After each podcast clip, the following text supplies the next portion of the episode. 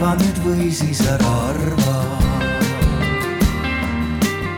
ikka on jutt jälle nendest eelmise aasta Kesk-Eesti välitöödest, kus kõik need ideed välja kasvasid.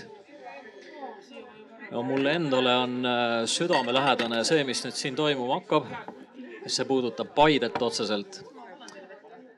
ja eelmine aasta oli, oli haridusteemaline seminar ka.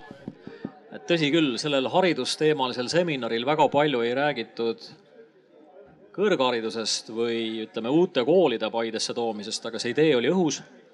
ja see idee on praegu edasi kerinud vaikselt. kuidas seda nüüd nimetada, kas kõrgharidusest või nagu siin on öeldud, kõrgetasemeliseks hariduseks. igatahes teemaks on, kas Kesk-Eestis on võimalik pakkuda kõrgetasemelist haridust ja koolitada tippspetsialiste ja ma loen selle tutvustuse jälle ette. Kesk-Eestis ei ole ühtegi kõrgharidust pakkuvat õppeasutust siin elavad noored lahkuvad hariduse saamiseks teistesse linnadesse, tagasi enamik neist ei tule. ümberõpet siin elavatel inimestel oma kodukohas võimalik saada ei ole, samal ajal on hädas ettevõtted spetsialistide puudusega. Kesk-Eesti regiooni aitaks elavdada, kui inimestele pakkuda võimalus siin omandada kõrgharidust või luua siia tippspetsialistide koolitusvõimalused. ja seda paneeli modereerib Maarit Nõmm, mis on Paide linnavalitsuse avalike suhete peaspetsialist ja siis jällegi paneliste, ma loodan, et tutvustad ise. mikrofonid on kõigil olemas, nii et palun. tere päevast, olen Maarit ja töötan Paide linnavalitsuses, nagu Rainer ka mind tutvustas. ja alanud on Arvamusfestivali esimese päeva pärastlõunane aeg ja ma usun, et see on suurepärane aeg selleks, et äh, arutada kolmveerand tunni jooksul selle üle, äh, kas ja kuidas oleks võimalik tuua Kesk-Eestisse mõni hea haridusasutus või, või koolitada siin ka, miks mitte tippspetsialiste. meil on veel, veel üks väga hea näide, meil on koodikooli äh, esindaja siin ka olemas, ehk siis äh, võib-olla selline õppeasutus, miks mitte, ei võiks olla siin Kesk-Eestis, aga me jõuame kõige juurde lähemalt. kohe äh, tutvustame tänaseid osalejaid ka, on Haridus- ja teadusministeeriumi kõrg- ja kutsehariduspoliitika ning elukestva õppe osakonna juhataja Margus Haidak, tere Margus tervist! Äh, kohalikku vaadet ja omavalitsusjuhtide, juhte esindab äh, Paide linnapea Eimar Veldre, tere Eimar! tere, tere! ja nagu sai ka vaikselt vihjatud, siis on meil ka äh, Koodi Õhvi ehk programmeerimiskooli koolijuht Karin Künnapas, tere Karin! tere päevast! Ma tean, meil on aega päris vähe, nelikümmend viis minutit. kui publiku hulgas on mõnel küsimus tekkinud või kommentaar, et siis andke käega kohe märku, et äkki ma pärast lõpus unustan ära ja ei, ei, ei, ei küsigi publikult. aga kiirelt üks soojendusküsimus ka teile. kui te mõtleksite nüüd, et te olete taas äh, lõpetanud kas keskkooli, gümnaasiumi ja hakkate mõtlema, mida edasi teha, mida te praegu läheksite ja kuhu õppima, millist eriala, Margus?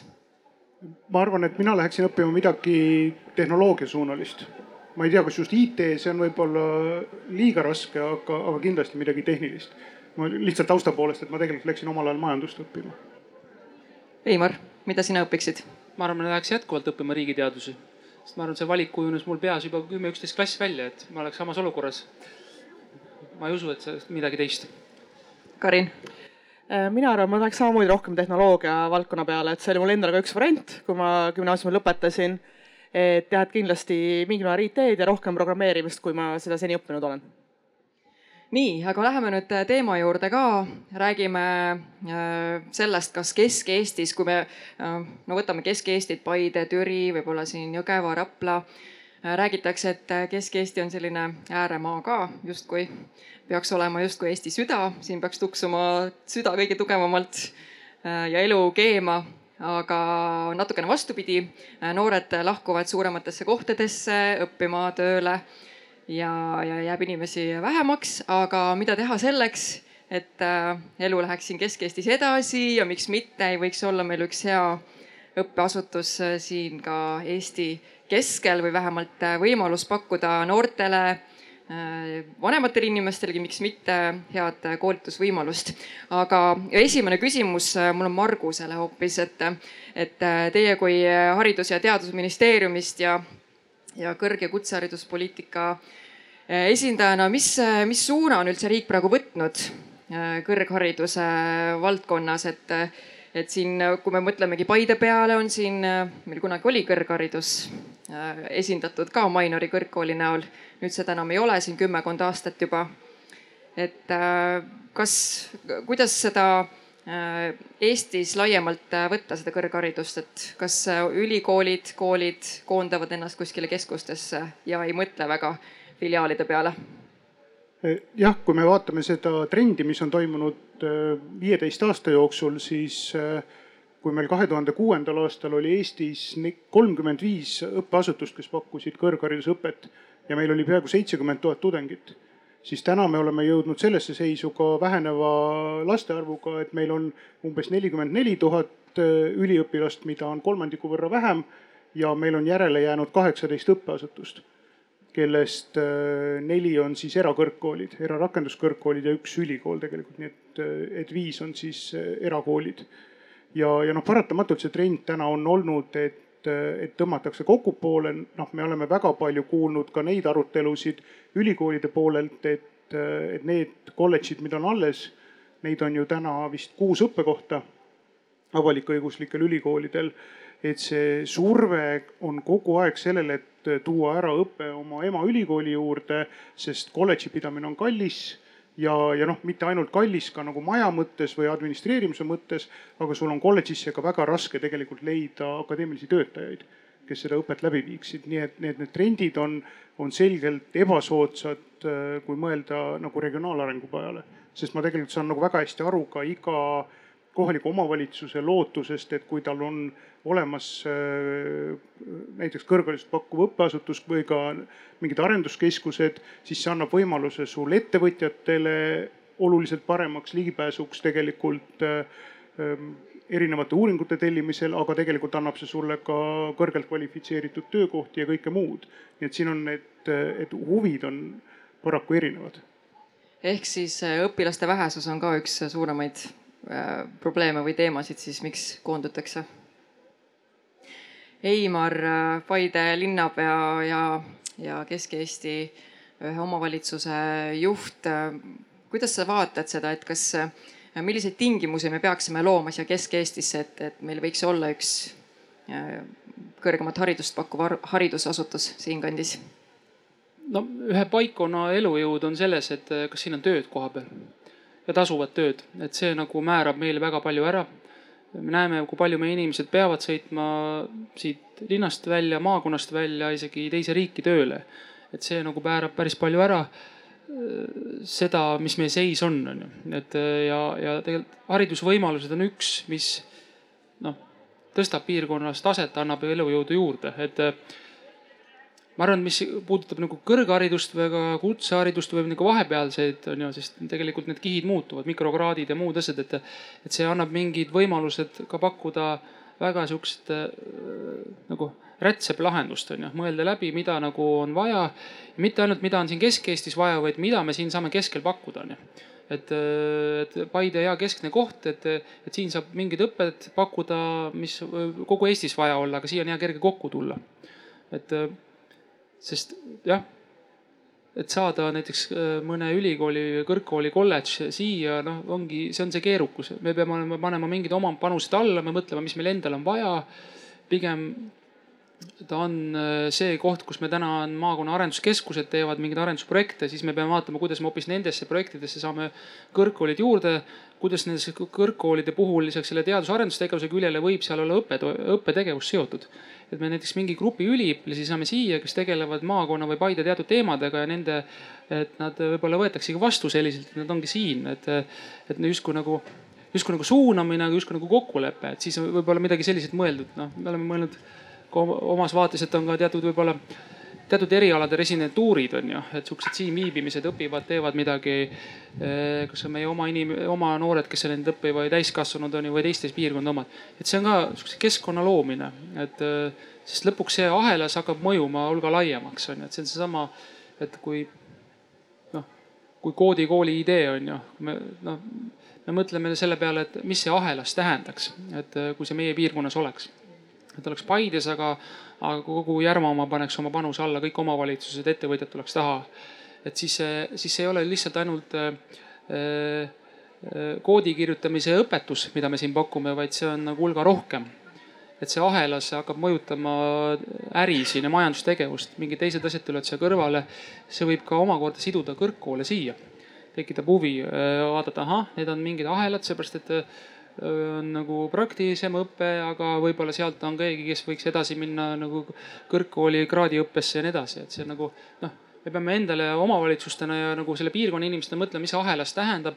et see ei ole lihtsalt, et tahaks ühte kooli siia, vaid et mida meil on vaja, et olla elujõuline koht. et kuhu oma võib-olla siit ära läinud omad inimesed tagasi tuleks ja uued inimesed elama asuksid ja teeksid ka äri siin.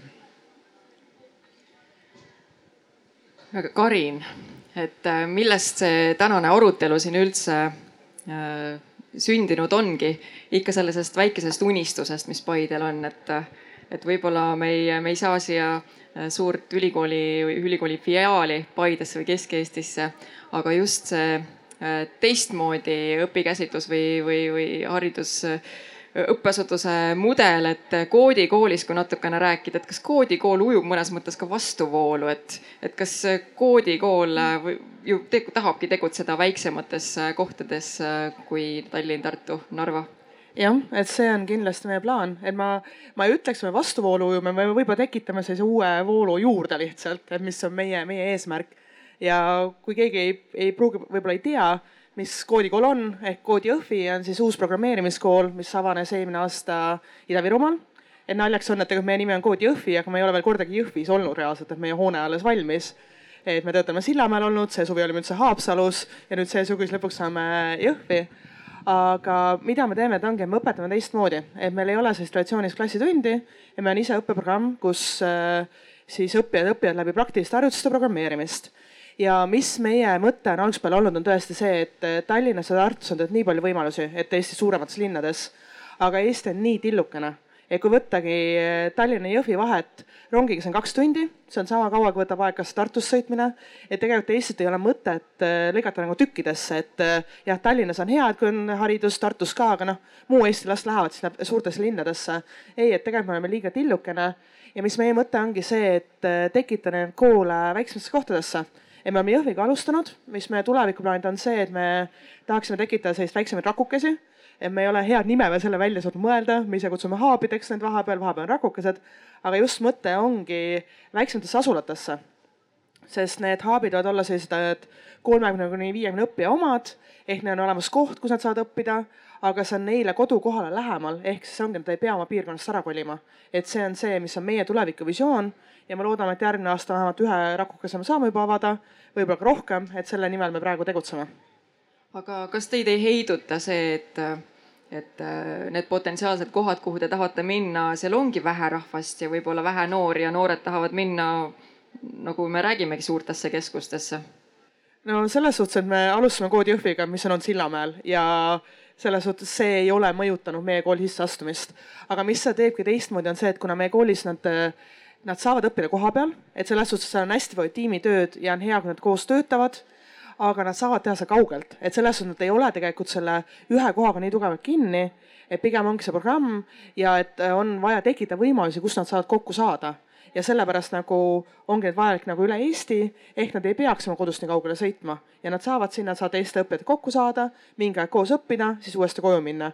et eh, kuna ma ise olen ka tegelikult väiksest kohast pärit, et selles suhtes ma pigem äh, ei näe seal nagu mingit negatiivset poolt, et pigem ongi see, et kuidas nagu Eesti elu mujal ka julgustada ja toetada ja see on kindlasti võimalik kui palju äh, sõltub sellest, kui atraktiivne on kool ja kõik need erialad, et äh, ma arvan, et äh, Kood Jõhvisse ei tule ju ainult sealt piirkonnast noori täiskasvanuid, et igalt poolt mujalt Eestist samamoodi. no praegu Kood Jõhvis umbes kakskümmend, kakskümmend viis protsenti on meil Ida-Virumaalt, et enamik teised ongi mujalt et kindlasti see kool peab olema atraktiivne, aga ma arvan, et seal, mida enne mainiti, ongi see, et koostöö ettevõtjatega ja kogu see piirkonnaga on hästi oluline. et inimesed näeksidki seda, kui nad tulevad õppima, et mis see tulevik neile toob et kui nad tulevad, kui ongi näiteks kood Paide on olemas, tulevad siia õppima, et mis koostöö kohalike ettevõtjatega on, mis need tuleviku töö väljavaated on. Kui me räägime tehnoloogiaettevõtetest, et ma arvan, koroona on meil õpetanud see, et samamoodi, et sa võid koodi kirjutada näiteks Boltile, sa ei pea selleks enam Tallinnas, sa võid vabalt töötada Ida-Virus, sa võid vabalt töötada Paides ja samas saada palka Boltist ja elada kohas, kus su korteriüür on võib-olla poolteist korda väiksem, kui ta Tallinnas oleks. Et selles suhtes ma arvan, et läbi selle saab nende koolide atraktiivsust tõsta et luuagi need koostööd ettevõtjatega ja need tulevikuvisioonid ja tuleviku väljavaated, mis õppijatel on, kui nad seda õppima tulevad ma ei tea, kas meie kuulajad äh, teavad täpselt selle koodikooli mudelit ka, et, et Karin, kui me tulime juba selle koodikooli juurde praegu, et äkki sa natukene äh, lihtsas keeles räägid ära ka, kuidas see õpetamine toimub, sest äh, kui ma kuulsin, et sellel koolil ei ole õpetajaid et siis võttis imestama küll, et võib-olla jah, on siin meil kuulajaid, kes ei, ei, ei tea väga, mis, mis, mis kooliga tegemist. ja et koodi Jõhvis toimub see õpe nii, et meil on iseõppeprogramm. Äh, põhimõtteliselt see natukene meenutab nagu arvutimängu, et õppijatel on sellised ülesanded, mis nad peavad lahendama, mis on kõik hästi praktilised. Ja läbi selliste praktiliste ülesannete õppivad, õppivadki koodi kirjutama. Seal on hästi palju tiimitööd sisse ehitatud, et enamik ülesandeid on neil koos kas kahestes tiimides, kõige suurem vist on kuueteist inimese oma, ehk nad peavad koos teistega koodi kirjutama. Ja lisaks siis koodi kirjutamisele nad peavad suutma ka seda teistele seletada, nad peavad suutma teiste koodi lugeda, et ongi, et ma arvan, koodi kirjutamist saab õpetada ka erinevalt, et saab õpetada nii, et on rohkem teoreetilised loengud ja siis tehakse praktilised ülesanded. aga meie õpe ongi üles ehitatud puhtalt praktilise töö peale, et läbi sellise ise vigade tegemise, ise selliste ülesande lahendamise kaudu jõutakse selleni, et osatakse koodi kirjutada ja õpe on kuni kaks aastat, et selle aja jooksul nad käivad läbi kolm põhilist programmeerimiskeelt ja lõpus on ka spetsialiseerumine. et selline hästi praktiline, käed küljes õppemetoodika ja see tegelikult on äh, saanud alguse umbes kümme aastat tagasi Prantsusmaalt, et see metoodika ei ole meie enda leiutatud ja miks me teamegi, et ja miks me usume, et see töötab. aga lihtsalt siia piirkonda me oleme see esimest korda selle sisse toonud. kui palju teil sügisel äh, õppimist alustab noori? Äh, eelmine aasta esimeses lennus meil alustas umbes kakssada ja praegu uuele lennule me, algne plaan oli võtta kuni nelisada vastu, praegu tundub, et me võtame kuskil selline kolmsada, kakssada, kolmsada kakskümmend, kolmsada kolmkümmend õppijat vastu ma peaks täpsust, täpsustama oma küsimust ka, ma küsisin, et äh, kui palju noori, tegelikult ju yeah. see, et ma olen noor või vana, see teie õppeasutuse puhul ei mängi mingisugust rolli. ja et selles suhtes meil on ja, et meil on inimesi vanuses kaheksateist kuni viiskümmend neli et on jah neid, kes tulevad otse gümnaasiumist, alles oma esimest haridust äh, õppima, aga on ka neid, kes tulevad ümber õppima, et näiteks meil on, on esimeses lennus on jurist, kes on reaalselt juristina töötanud ja nüüd tema otsustas, et tema tahab koodi kirjutada. meil on olemas Jõhvis töötav tuletõrjuja meil on olemas äh, kokk, meil on arst kondiiter olemas, et nagu äh, kõigilt erialadelt, et kui tundub, et äh, võiks selline ütleme, mõistatuste lahendamine meeldida, siis saab nagu meil kooli katsetada. et meie kooli sisseastumine käib ka veidike teistmoodi, et esimene samm on selline pooleteisttunnine online mäng kus testitakse mälu ja loogilist mõtlemist ja pärast on kolm nädalat katseperioodi, kus reaalselt õppijad tegelikult näevad nii seda õppemetoodikat, teisi inimesi kui ka seda, mida nad õpivad. ehk siis see aitab neil nagu teha parema otsuse, et kas see haridus ja kas see õppemetoodika on midagi, mis neile võiks sobida et selles suhtes me natuke teeme eh, seda alguse samme ka erinevalt traditsioonilise haridusega võrreldes Margus, kuidas riik vaatab sellisele õppeasutusele või, või õppemudelile kui koodikool, et kas ta, kuhu ta üldsegi klassifitseerub nendes astmetes? koodikool ei ole selles mõttes tasemeõppeasutus, aga, aga ta on, ta on nagu väga äge uus mudel ja ma arvan, et, et noh, tegelikult meil oli hiljuti ju äh, arenguseire Keskus tegi ka analüüsi vaadates, mis on kõrghariduse tulevikusuunad. ja seal samamoodi on ilmselt pigem tulevik sinna suunas, et, et elu läheb selliste pisemate õpiampsude peale ja vähem, aina vähem on seda, kus äh, noor gümnaasiumi lõpus läheb otse kõrgkooli või kutsekooli, õpib seal oma aastad ära ja pärast noh, seda ei ole enam, enam ammu, et pärast seda asub tööturule ja töötad kakskümmend aastat samal töökohal. aga, aga noh, nii see puudutab tegelikult ju see noh, mis koodikooli mudel on, et, et väga palju on täiskasvanud inimesi ja, ja sama pilt on meil tegelikult kõrgkoolides, kus on aina muutunud vanemaks õppijad. et täiskasvanud inimesed on tegelikult need, kes täna näevad võimalust ümber õppida ja, ja paljud tulevad ka esimest korda kõrgharidust omandama ja samamoodi on ju kutsekoolides meil juba praktiliselt enamik täiskasvanud, noh suurem osa on täiskasvanud niikuinii, aga, aga tegelikult vanemaealised või, või noh, vanemaealine on ka halb sõna, aga sellised no ikka üle kolmekümne, üle neljakümne. et, et inimesed näevad seda vajadust, aga noh, kuna ma olles vastutav tegelikult nii kutse kõrghariduse kui kogu täienduskoolituse maastiku poolelt, siis no tegelikult ju Eesti suur murekoht on see, et meil on kolmandik erialase hariduseta inimesi. kes on noh, võib-olla nad paljud on äh, astunud kunagi kutsekooli, astunud kunagi kõrgkooli, selle katkestanud ja statistikas näevad välja siis erialase hariduseta inimesena. Aga on ka palju neid inimesi, kes gümnaasiumi lõpus ongi jäänud lihtsalt üldkeskharidusega või jäänud suisa põhiharidusega, aga see arv on tegelikult väga suur ja, ja see on nagu see tohutu ressurss minu arvates, et kui me suudaksime need inimesed aktiveerida ja, ja tõmmata üht või teistviisi õppesse ja anda neile mingid vajalikud oskused, see on see nišš, mida väga hästi minu arvates koodikool täidab.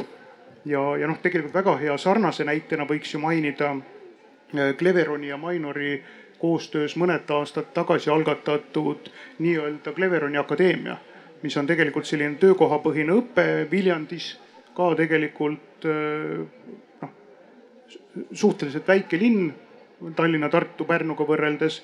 Ja, ja ettevõtja initsiatiivil pandi õppekava kokku tegelikult noored inimesed, samamoodi fookuses programmeerimine, tulevik, robotid ja, ja toimib väga hästi sellise alt üles tulnud mudelina ja ma arvan, et neid uusi mudeleid tuleb aja jooksul ainult juurde. statistikaamet et just see nädal avalikustas uued igasugused äh, haridusnumbrid ja, ja sealt tuli välja, noh, me teadsime seda juba enne et see ei olnud selles mõttes uudis, aga et äh, kõrghariduse osakaaluga inimesi on Järva ja Võge, Jõgevamaal kõige, kõige vähem. Margus, miks see või, miks see võiks nii olla või mi, mis võiks olla selle põhjus, et see nii on? kas, kas, kas põhjus võib äh, peituda selles, et, et siin Kesk-Eestis on selline valge laik, kus ei ole võimalus kõrgemat haridust saada? tegelikult ma ei taha uskuda, et selle põhjuseks on see, et siin ei ole oma kõrgkooli, sest kui me mõtleksime siinse kõrgkooli peale, siis äh, Järvamaal on kolmkümmend tuhat inimest.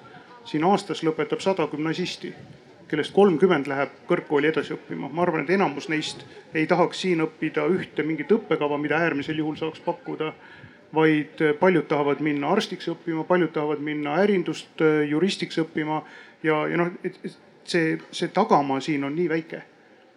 aga, aga kui me noh, mõtleme nagu kogu rahvastiku peale, siis ma siin pigem kahtlustan, et on trendid selles, et eh, suurem osa ettevõtlusest on täna ju Harjumaal. Ja suurem osa töökohti, mis nõuavad kõrgemat kvalifikatsiooni, kõrgema kvalifikatsiooniga ettevalmistust, on samamoodi ilmselt Harjumaal, pigem kuskil Tartus ja, ja noh, see on tegelikult see, millele siin ka eelkõneleja algul viitas, et et, et nagu võtmeküsimus on ju inimeste jaoks see, et kus sul on töö ja kus sul on tore elada.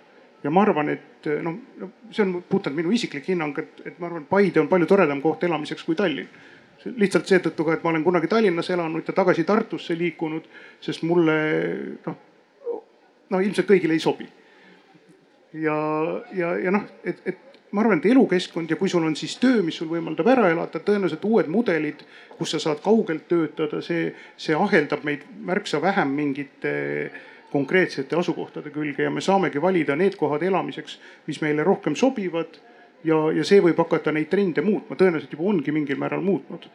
aga noh, kuna see ühel hetkel jõuab kuhugi rahvastikuregistrisse ja mujale, see on iseküsimus ma korra sekkun. ja publikust tahab keegi midagi küsida, palun. ja tere, mina olen täiesti järvakas ja reageerin nüüd Margusele, kellega me töötame erinevates ministeeriumides küll, aga nende teemadega tihedalt kokku puutume. Ja lihtsalt võttes Margus kinni sinu viimasest mõttest ja vaadates otsa nüüd ka kodumaakonna ühele juhile siis näiteks mina, kes ma läksin siit peale keskkooli lõpetamist, olles mitte Paides kasvanud, vaid Jõgevamaa, Järvamaa piiri peal kasvanud ja väiksemates koolides ka käinud. Läksin samamoodi Tartusse õppima ja töötan täna Tallinnas, küll oma tööga, aga põhjus, miks mina ei ole tulnud kodumaakonda tagasi, kuigi mu töö seda täna võimaldaks, on see, et mul ei ole siin kusagil elada ehk siis ma tean, et see selles mõttes on tuttav teema, kui me oleme seda ka linnade-valdade esindajatega rääkinud, aga, aga reageerides Marguse mõttele ja võttes sellest teemast ka kinni, et noore inimesena, kellel võib-olla kohe ei ole võimalik osta ja olgem ausad, kinnisvaraturg on tagasihoidlik täna ja ka üsna kalliks läinud et äh, siin ei ole midagi üürida. mul ei ole kodu ja näiteks mina tuleks hea meelega tagasi Järvamaale, töötaks, panustaks täna ministeeriumis töötades siit, aga mul ei ole seda kusagilt teha me peame oma arutelu fookust muutma, ehk siis alustama sellest, et äh, kuidas me saaksime elu, elukohti juurde teha. aitäh küsimuse eest, Teimar, sa tahad kommenteerida? ma arvan, et siin võtan sabast kinni, et see, et see Statistikaameti see jaotus, et mis haridusega Järvamaa inimesed on, peegeldab lihtsalt seda, et mis struktuuriga majandus siin on et meil on, meil on põllumajandust, meil on tootmist, on ju, me oleme tugev, tugev maakond ja toidame Eestit et äh, see paneb selle poole ära, et, et meil on nagu selles traditsioonilises majanduses on jalad maas ja see traditsiooniline majandus on ka kahekümne esimesel sajandil vajalik majandus. me nüüd vaatame, et mis meil on selle kahekümne esimese sajandi majandusest veel puudu siin.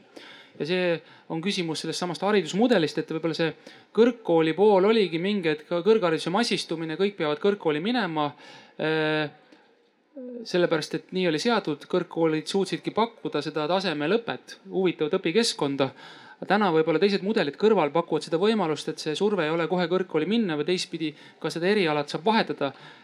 ja kogu selle asja juures on see küsimus, et kuidas see kättesaadav on, sest täiskasvanuhariduse puhul on ikkagi see, et kui kättesaadavad on. jah, me teame, et kutsekoolides on päris palju neid kursuseid ja kõiki asju onju, aga kui palju nad arvestavad sellega, mis on inimese huvi tegelikult areneda, kus ta motivatsioon ka pingutada selle õppetöö jaoks ja mis valikud tal seal laual on, et noh, see on üks oluline asi ja kui on midagi koha peal, siis inimene ei pea väga kuskile minema. ja kui see õpe on selline teistmoodi üles ehitatud, avardab seda huvi ja saab kohe testida ära, kas see on minu jaoks, siis siis see on ka midagi, noh, midagi head, et ma arvan, siin on kombo nagu, et me ei peagi vaatama seda taset, vaid mõtlema, kuidas see haridus on kättesaadav, et. ja kui ta ongi esialgu täiskasvanu haridus, siis kui me mõtleme mingi moodulid, jupid, siis ta lõpuks võib kasvada inimese kõrghariduseks või kutsehariduseks. ja see majutusteema lihtsalt eluasemepoliitika kahjuks Eesti Vabariigis on olnud selline, et teda ei ole olemas olnud. ja nii on, et on arvatud, et turg paneb paika, aga turg paneb paika ainult seal, kus nagu raha liigub. Ja siin ei liigu sellist raha, et teha selliseid korterid, mis oleks taskukohased kohe. siin, kui siin rajatakse midagi, siis Tallinna hindadega.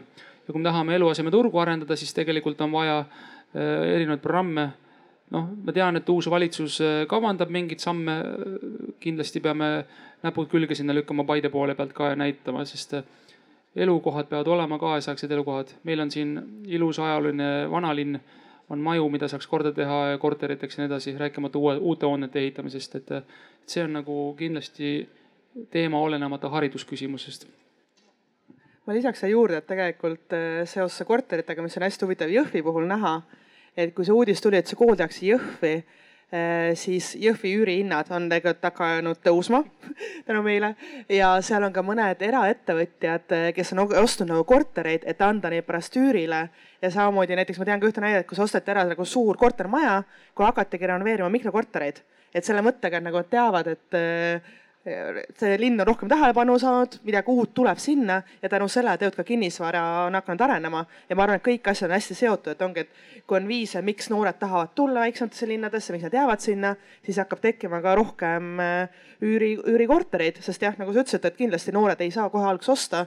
isegi kui me Jõhvis räägime, et sa saad korteri osta kahekümne viie tuhandega, et see ei pruugi, ei pruugi ikka võimalik olla, aga ma arvan, et kõik asjad on väga tihedalt seotud omavahel. jah, palun, siin tuleb üks küsimus veel aitäh. esimene on lihtsalt kommentaar ja see tuleb sihuke pikem sissejuhatus ja lõpuks on see Karinile, kes saab nõu anda Eimarile ja Margus annab veel nõu siis pärast. et äh, mu esimene mõte oli see, et seda Statistikaameti uuringut, et sinna juurde tegelikult unustatakse tihtilugu rääkida, et noh, loomulikult, et miks on Harjumaal kõige rohkem kõrgharitud. noh, sellepärast, et riik ju hoiab enamuse töökohti Harjumaal riik on kõige suurem nagu doteerija Tallinnale kui kohalikule omavalitsusele, seal on ju kümneid tuhandeid töökohti, mis on tegelikult riigipalgalised töökohad. eks neid on ka Tartus, aga mujal Eestis on neid oluliselt vähem. ja selle tõttu, kui riik, ma teen lihtsalt hüpoteesi, kui riik looks näiteks mingisuguse riigiasutuse. eelmisel aastal, Eimar, sinu ametivend eelmine aasta rääkis sellest, et teil oli plaan kutsuda näiteks Riigimetsa Majandamise Keskus näiteks Järvamaale, et kujutame ette, et kui nagu nende kontor mingisuguste töötajatega oleks siin, hopa, kohe ka statistika muutuks, kui oleks nagu riigi huvi üle maakondade nagu olemas. Läks Sagadisse. Läks jah Sagadisse, eks ju. kuigi kohalikud teevad nalja, et seal on see postkast lihtsalt tegelikult, et äh, aga see on juba jah teine teema. sa ei saa sundida lihtsalt kolima, et reaalsus on see, et sa tekitad seda kaugtöö võimalusi ja muid asju onju. ja ma arvan, et erasektor on paindlikum nagu kujunema ümber nagu avalikus sektoris on kaugtöö nagu võib-olla teine nagu aga jah, kus ma nüüd oma jutuga jõuan, et nii-öelda katalüsaatorina riik, kuidas saab aidata. et Kood Jõhvi alguslugu tegelikult on rahandusministeeriumi meetmest, mis oli seotud Ida-Virumaa, Ida-Virumaa ettevõtluse arendamisega ja maakondliku arenguga. see tuli läbi sihtasutuse KredEx, kes andis kooli loomiseks peaaegu vist kaks miljonit eurot, ma täpselt ei mäleta. ja ma ise mõtlen nüüd seda, et, et kui oleks sarnane meede olemas ka Kesk-Eestile, siis väike nagu nõuanne, kuidas te saite lisaks riigi rahastusele, kes siis oli regionaalarengu toetuse meetme alt, kuidas te saite ettevõtjad pardale, millist nõu sa annaksid Eimarile, et Eimar võtaks näiteks, oletame sellesama riigi rahastuse, mis on katalüsaator ja sinna juurde otse saaks siis äh, ka ettevõtjad nagu juurde? Mm? -hmm ma arvan, mis Code Jõhvi teeb ka eriliseks, on see, et kust see idee üldse tuli, et tegelikult see idee on tulnud ettevõtjatelt. Et see on kaheksa asutajat, kes on kõik nagu startup'i maastikul äh, üsna tuntud, võttes näiteks Bolti kaasasutaja Martin Villigu, Wise'i kaasasutaja Taavet Hinrikuse. et selles suhtes, et ma arvan, me saime tänu sellele algusest juba väga palju sellist äh, krediiti ette et need inimesed, kui nad hakkavad midagi sellist tegema, et nad ei, ei tee lihtsalt ehku peale või noh, et hakkame katsetama, vaid pigem ongi mõte, et selline pikemaajaline suurem muutus. ja tänu sellele kindlasti oli ka lihtsam ka ettevõtjale taha saada. et jah, et riigi rahastust tõesti me oleme peaaegu kaks miljonit saanud et see enamik on läinud tegelikult meie Jõhvi hoone remonti, et ongi, et me oleme toetanud siis kohaliku elu arengut sellega. aga mis ma arvan, mis ettevõtjatega ongi see, mida me tegelikult oleme ka Bideniga rääkinud, et on vaja saada partneritest paar esimest äh, initsiaatorit, kes lihtsalt usuvad sellesse missiooni, nad näevad, mis see muutus tuua võib. et äh, mida, meil on praegu üle umbes kolmkümmend ettevõtjat, kes on ka kooli toetajad et pikas pildis jah, enamik nad tahavad olla värbajad, neil on kõigil töötajaid vaja, nad tahavad inimest tööle võtta. aga kui võtta numbreid, et kui mul on praegu kakssada õppijat, järgmine aasta on kolmsada viiskümmend kui mul on kolmkümmend ettevõtjat, et nagu kõigil ei pruugi see jätkuda isegi. aga mis, mida nad kõik ka toetavad, ongi seda üleüldist missiooni ehk siis nagu Eesti hariduse arendamist, tekitada uut võimalust inimestele, kellel võib-olla traditsiooniline haridus ei toimi või kes ongi see, et äh, tulevad nagu uut haridust õppima, tulevad ümber õppima, et neid võimalusi nagu juurde tekitada. ja mida ma arvan, et need ettevõtted on ka aru saanud, see, et äh, kui üks neist värbab nagu meie koolist, siis need, kes nende firmas enam ei tööta, need saavad teise ettevõtte juurde minna. et selline suurem pilt, et ei ole ainult puhtalt nagu küüned enda poole, et on nagu, mul on kähku vaja, vaid see, et me koos tekitame muutust, me koos tekitame uusi võimalusi ja me, me ehitame koos Eestit. mida tegelikult me oleme asutajatega algusest peale nagu rääkinud, ainult ongi see, et et neile samamoodi, et see ei ole finantsiline projekt, nad ei saa mitte kuidagi kasu sellest, nad kulutavad väga palju oma aega. Eh, võttes arvesse, et me räägime tipptasemel inimestest, aga mida nad tahavad teha, ongi see, et tekitada uusi võimalusi ja parandada inimeste elu tegelikult. usun, et see ei ole saladus, et tegelikult eh, koodikooli asja siia, et siin Järvamaale Paidesse tekiks, me täna juba ajame. et, eh, et üks variant on see maja siin vana, vana kaubakeskus, et äh, tegelikult neid asju ajame, ettevõtjatega suhtlus käib. tegelikult, mida täna ettevõtjad ütlevadki, et äh, läheks kindlasse kõneviisi, et äh, mis tähendab seda, et meil seisab kohtumine ees, on ju, meil lükkus edasi kohtumine tegelikult pidi toimuma eile, üleeile on ju, on ju, et, et tegelikult meil on selles projektis on ed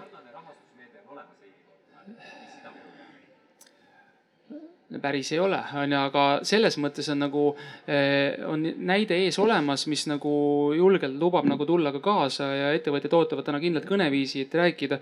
sest noh, siin on üks pool ka nagu sihuke isetult panna natuke raha sisse sellesse, sest et ma ei saa kohe oma ettevõtjale, aga ma panen selle asja käima ja ma hakkan sealt kasu saama.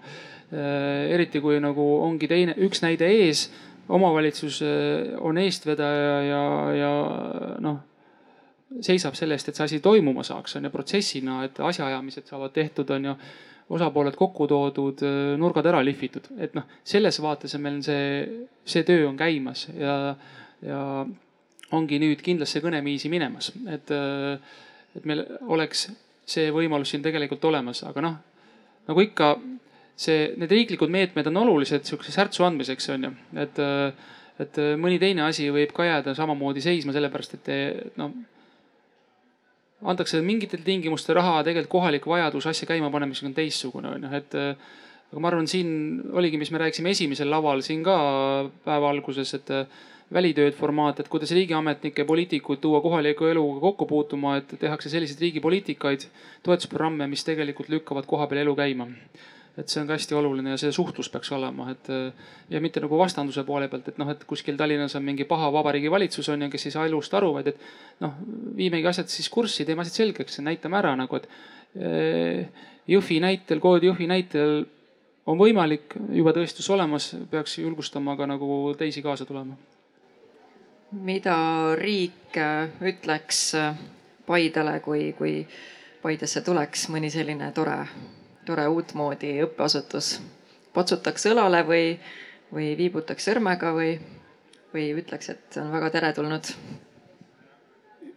no, no nagu ma algul ütlesin, siis tegelikult ma arvan, et, et see maastik läheb mitmekesisemaks. ja, ja noh, tegelikult on meil ka ju nüüd uuel tõukefondide perioodil tulemas päris palju meetmeid just selleks, et eriti just täienduskoolitust ja ümberõpet ja mikrokraadiõpet erinevates Eesti piirkondades toetada just seetõttu, et tegelikult meil ei ole nagu minu arvates kitsaskoht ei ole enam see, et kas lapsed saavad, noh on ka seda natukene, et kas sa pääsed kõrgkooli, kas pere saab lubada endale kuskilt maapiirkonnast Tallinnasse õppima minekut või Tartusse õppima minekut. aga meil on kitsaskoht on need väga paljud inimesed, kes on ammu äh, koolituse või haridusasutusest väljunud, on tööturul ja, ja tegelikult vajaksid uusi oskusi ja Paide on, ma arvan, nagu asukoha poolest super ikkagi, et siit on enamusse olulistesse kohtadesse sada kilomeetrit ja, ja noh, ka asutused, kes toimetavad mitmes kohas, see on hea koht, kus kokku tulla. kas publiku hulgas oli kellelgi küsimus? ja palun, proua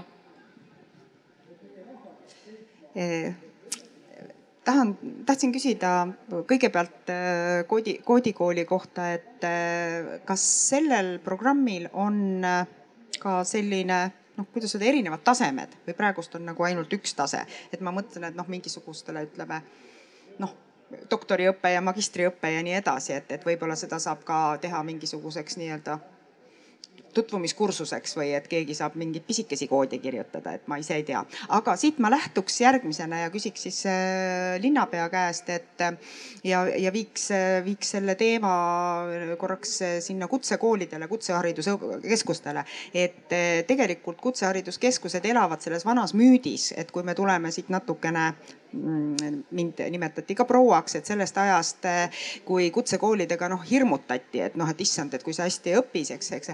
et olen ise käinud, ma ei tea, Vanavõidu, Rakvere, siin ma ei ole sees käinud ja noh vau, eks ole, et tegelikult tuleb seda ära kasutada, on äh, keskkonnad head ja, ja siis ma tahtsingi küsida, et noh, et, et ka teie plaanid võib-olla siin Paides selle äh, kutsehariduskeskusega ja, ja nendega, et, et, et mainet tõsta ja sest lõppude lõpuks meil ei ole tõesti võib-olla kõikidele vaja nimetust kõrgharidus, vaid seda mainet, seda eriala hästi hakkama saada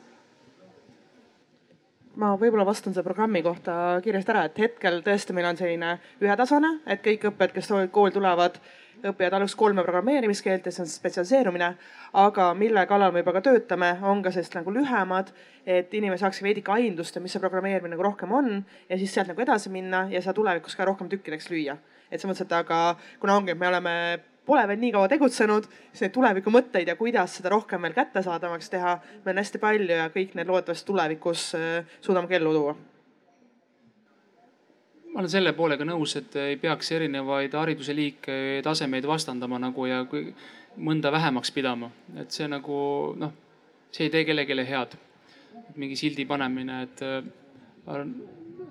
kutseoskused on väga olulised, inimesed peavadki saama teha teadlikke valikuid, onju, aga see on inimeste enda valik, mida teha. täna Kutsehariduskeskus on riigiasutus Paide linnas, eks kokkupuutekohti on olnud. noh, kunagi oli ka valik, et kas riigigümnaasium ja kutsehariduskeskus noh, võikski alaliselt ühel kampusel olla.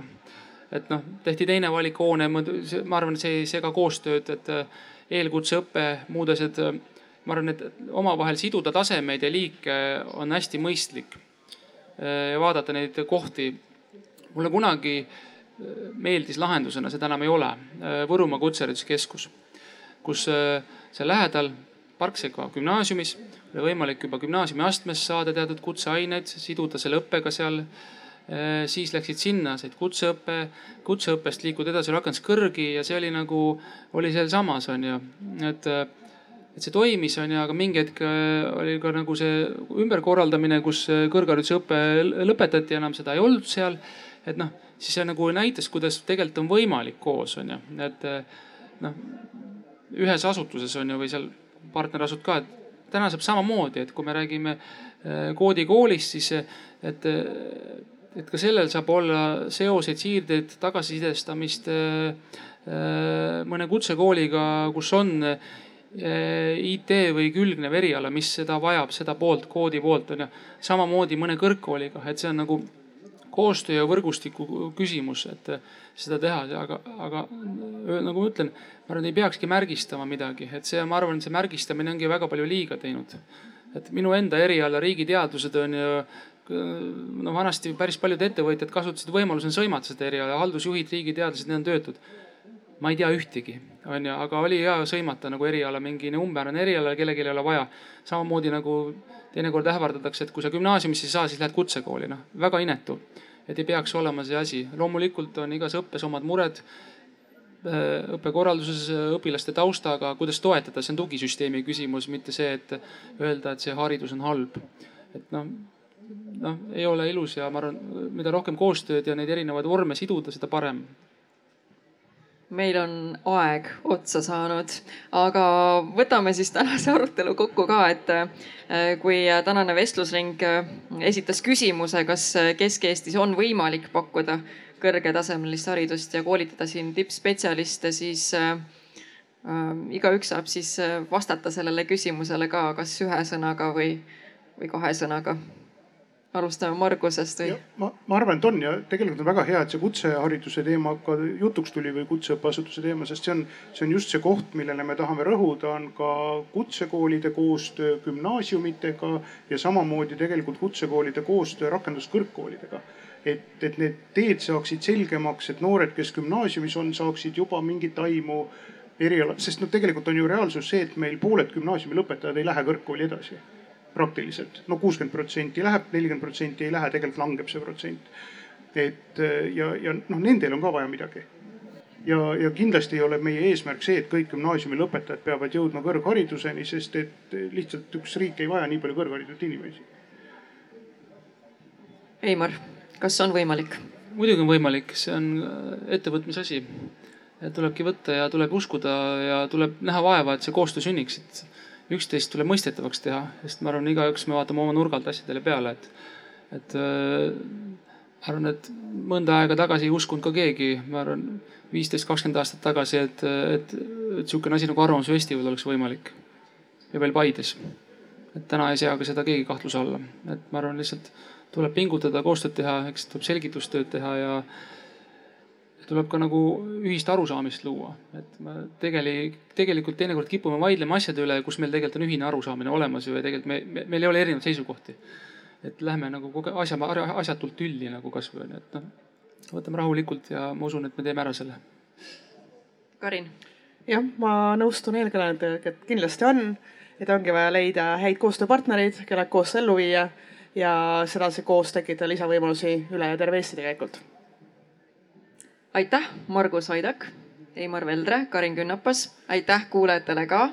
ilusat äh, Arvamusfestivali jätku ja siin juba on järgmine arutelu tulemas kohe. ja suur tänu teile. selge see, et ega keegi kõike teab. puudub laud ja mänge teha, siin me peame.